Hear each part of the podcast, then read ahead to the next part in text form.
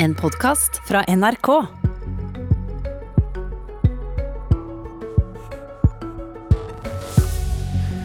Kan Frp bli regjeringsparti igjen neste år? Er det fare for at de kan kreve for mye i forhandlinger med regjeringa i år? Og kan de utvikle seg til å bli et mer patriotisk parti?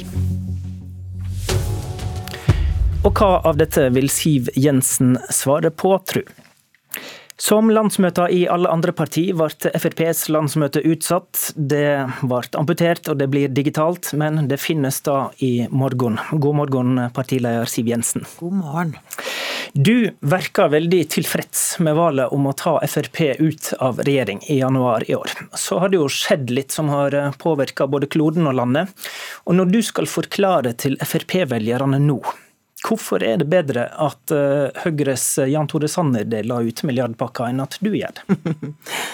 Det var riktig av Fremskrittspartiet å gå ut av regjering i januar, rett og slett fordi det ble for lenge mellom de tydelige gjennomslagene til eh, Fremskrittspartiet. Nå er vi eh, i ferd med å finne oss godt til rette i opposisjon. Um, rendyrke vår egen politikk. Eh, og jeg ser jo på meningsmålingene at det tikker eh, sakte, men sikkert eh, oppover. Og jeg tror det har å gjøre med at velgerne våre kjenner oss mer igjen i forhold til saker vi tradisjonelt har vært opptatt av, og som det ikke var like lett å få øye på mens vi satt i regjering. Og det er sikkert hyggelig når det er under et år til valget, men betyr det da at Frp går til valg på å fortsatt være et opposisjonsparti, eller har du som mål å komme i regjering? Vi går til valg på Fremskrittspartiets program, eh, prøve å bli størst mulig. For vi vet jo at størrelse betyr noe i politikken. Eh, vi har jo ambisjoner om å prøve å få gjennomført mest mulig Frp-politikk. Eh, da vi gikk inn i regjering for syv år siden, så sa vi jo at det å sitte i regjering er et virkemiddel og ikke et mål i seg selv. Og det, det viste vi jo til fulle når vi faktisk også gikk ut av regjering, fordi vi opplevde at virkemidlet ikke var godt nok lenger. Men eh, med tilstrekkelig gjennomslag eh, og eh, god oppslutning, så er det jo ikke noe veien for å sette seg ned og forhandle om en ny regjeringsplattform. Men det er gjennomslagene det til syvende og sist kommer til å handle om.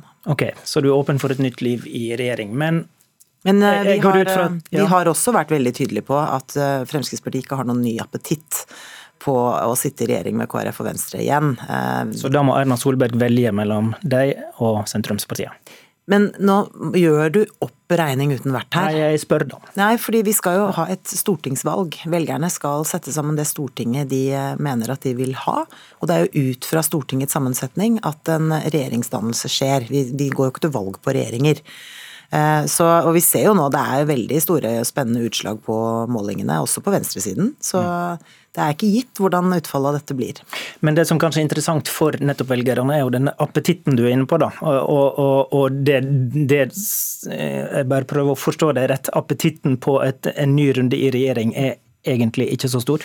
Nei, altså De første fire årene vi satt i en mindretallsregjering med Høyre, så fikk vi jo betydelig gjennomslag. Velgerne så gjennomslagene våre, og de så også veldig tydelig hvilke nederlag vi gikk på i Stortinget når vi forhandlet med KrF og Venstre. Det er f.eks. sånn at eh, når det ble innført en flypassasjeravgift i Norge, så var ikke det fordi Fremskrittspartiet hadde lyst på den, det var fordi KrF og Venstre tvang den på oss. Eh, og det så jo velgerne veldig eh, tydelig. Men ja, hvis størrelsen vår kan gi oss mer innflytelse over politikken, så er jo det en spennende motivasjon for å drive en god valgkamp. Og du holder fast på at dere ikke vil støtte en regjering dere ikke er en del av? Ja. Du skal snart forhandle statsbudsjett med regjeringa. Hvor viktig er det for deg å sikre at Erna Solberg får et budsjett på plass i høst? Det som er viktig for meg, er å sørge for at Fremskrittspartiet får størst mulig gjennomslag i de forhandlingene. Det er jo klart at det statsbudsjettet som regjeringen la frem, så er det mye vi er enig i. Men det er også en del ting vi må rette opp og forbedre. Og så har Fremskrittspartiet sine Eh, hjertesaker som vi vil ha gjennomslag for. og Vårt landsstyre har jo plukket ut særlig fem viktige områder. Det ene er at vi nå må gjøre noe med grensehandelen. For første gang i norgeshistorien så har vi jo nå faktagrunnlaget på plass.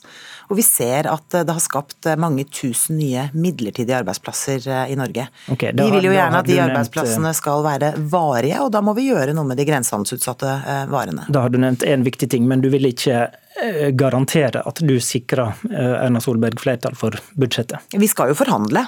Eh, og jeg tror de forhandlingene blir tøffe. Men så er det jo litt opp til Erna Solberg òg, da. I hvilken grad de kommer Fremskrittspartiet i møte på de kravene vi har. Kommentatorene har flere ganger de siste sju åra snakka om at partiene på borgerlig side er dømte til å bli enige. Og det har jo som regel stemt. Stemmer det i år også? Altså, vår ambisjon er å sette oss til forhandlingsbordet med det for øye å oppnå en enighet. Men her er det flere parter som skal forhandle. Og jeg har jo sagt flere ganger at jeg råder statsministeren til å være imøtekommende overfor de kravene Fremskrittspartiet har. Hun bør kanskje følge med på landsmøtet i helga, for ditt landsmøte stiller ofte tydelige krav. Eh, hvor viktig blir landsmøtet sine vedtak for forhandlingene? Landsmøtevedtak er alltid viktig for et parti, eh, men jeg opplever jo at vi har fått med oss en veldig tydelig bestilling fra vårt landsstyre, som har pekt eh, retning i forhold til grensehandel, i forhold til kvoteflyktninger, i forhold til nivå på bistand, landets pensjonister. Og bompenger er jo de fem hovedkravene som landsstyret har kommet opp med. Eh, så tipper jeg at det nok blir eh, mye debatt på, nei, på landsmøtet også om eh, de kommende budsjettforhandlingene. Men vi har jo vært veldig tydelige fra partiets ledelse sin side at det å gå inn i forhandlinger med f.eks. ultimater ikke er en veldig god idé, eh, selv om vi kommer til å vite veldig godt, tror jeg, du, hvor smertegrensen går. Så du vil advare landsmøtet ditt mot å vedta ultimatum? Jeg tror ikke landsmøtet kommer til å gjøre det, eh, men de kommer nok til å være offensive på hva de vil at vi skal ta med oss inn i forhandlingene. I fjor ville de bruke 100 milliarder på å fjerne bomstasjoner. Det fikk du vel ikke helt til. Eh, er du redd det kan komme krav som blir vanskelig å oppfylle? Jeg tror det kommer til å være mange ambisiøse krav, ja. Eh, men det er jo viktig å få frem hva som er Fremskrittspartiets primærstandpunkter også. Så tror jeg alle velgere skjønner at eh, når flere partier skal forhandle, så kan ikke alle få akkurat som de vil. Men eh, Fremskrittspartiet, vi, vi vil ha våre gjennomslag hvis vi skal støtte helheten i et budsjett. Mandag hørte vi tidligere partiformann Carl I. Hagen forklare det politiske prosjektet han vil markere seg på dersom han blir stortingskandidat. Han sa dette om innvandringspolitikken. En mye strengere innvandring, integrering og flyktningpolitikk, og jeg sier rett ut at jeg vil ha en assimilering av innvandrere istedenfor integrering. En definisjon av assimilering betyr at minoriteter legger bort sin egen kultur og blir mest mulig lik majoriteten. Hva syns du om dette? Det er ikke Fremskrittspartiets politikk i dag. Så skal Fremskrittspartiet behandle sitt nye partiprogram neste landsmøte, altså til våren. Og da er det jo lov for alle å kjempe for hva som skal stå i det partiprogrammet. Men jeg forventer jo at alle som stiller til valg for Fremskrittspartiet, følger det til enhver tid gjeldende eh, partiprogrammet. Nettopp. Fordi en andel av Hagens program er å nedkjempe det han kaller den nye klimareligionen, mens Frp iallfall i gjeldende program tar omsyn til advaringene fra FNs klimapanel. Og da lurer jeg på eh, hvis, Kan han fortsette å eh, markere seg på slike holdninger og også stille til valg for Frp?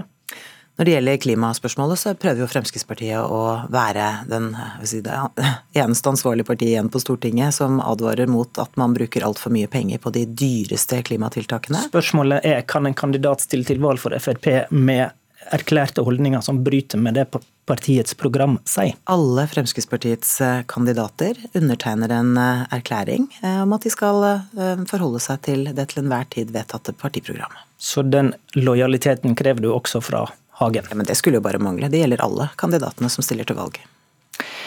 Ditt eh, eget fylkeslag Oslo vedtok på sitt årsmøte i vår at de ønsker at partiet skal være en del av Europa og USAs nye høyreside og et fyrtårn for patriotiske velgere. Partiledelsen avviste Oslo FrPs tilnærming. Hvorfor eh, kan ikke Frp erklære seg som et patriotisk fyrtårn? Bare si at Den diskusjonen tok vi i vårt landsstyre for noen uker siden. Eh, der lå det en resolusjon fra Oslo Fremskrittsparti som ble nedstemt av et eh, stort flertall på landsstyret. Så den debatten anser jeg oss ferdig med. Mm, og jeg lurer på begrunnelsen. Hvorfor kan en ikke erklære seg som et patriotisk fyrtårn? Fordi vi eh, mener at det er å slå inn litt åpne dører. Fremskrittspartiets politikk har jo alltid handlet om å ivareta norske interesser, enten det er i utenrikspolitikken eller det er her hjemme. Vi skal ivareta våre egne innbyggeres interesser. Eh, men vi gjør det godt gjennom den eh, ideologiske plattformen vi har hatt i alle de år. Fremskrittspartiet er et liberalistisk folkeparti og står seg godt i det. Men du, men du er egentlig enig i innholdet, da? Er det det du sier? Nei, men jeg tror mye av årsaken til at disse debattene eh, har kommet for vår del, skyldes regjeringsslitasje. At vi, det ble for lenge mellom gjennomslagene våre. Og når vi nå er ute av regjering, er i ferd med å finne formen igjen i opposisjon, så ser man jo at Fremskrittspartiet rendyrker sin egen profil og politikk. Og det er jo det en del har savnet de siste årene, og det skjønner jeg veldig godt. Men, men hvis, du, hvis, noen vil reindyrke den eh, sida med å gå kanskje lengre ut mot høyresida, på sett og vis, da, eh, hvorfor avviser du da den tilnærminga?